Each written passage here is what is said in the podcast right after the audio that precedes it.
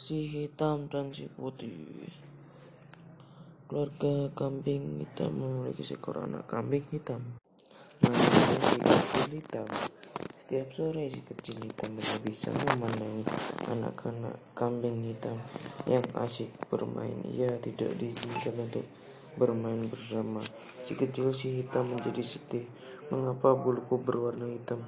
Keluhnya si kecil hitam lalu berniat mengubah bulunya menjadi putih. Ia menceburkan dirinya ke dalam ember cat putih. Dalam sekejap bulunya pun berwarna putih. B. Sorak kekiraan. Ia mengembirakan anak kambing dan bermain bersama mereka ya merasa sangat senang. Saat sedang bermain tiba-tiba langit menjadi gelap.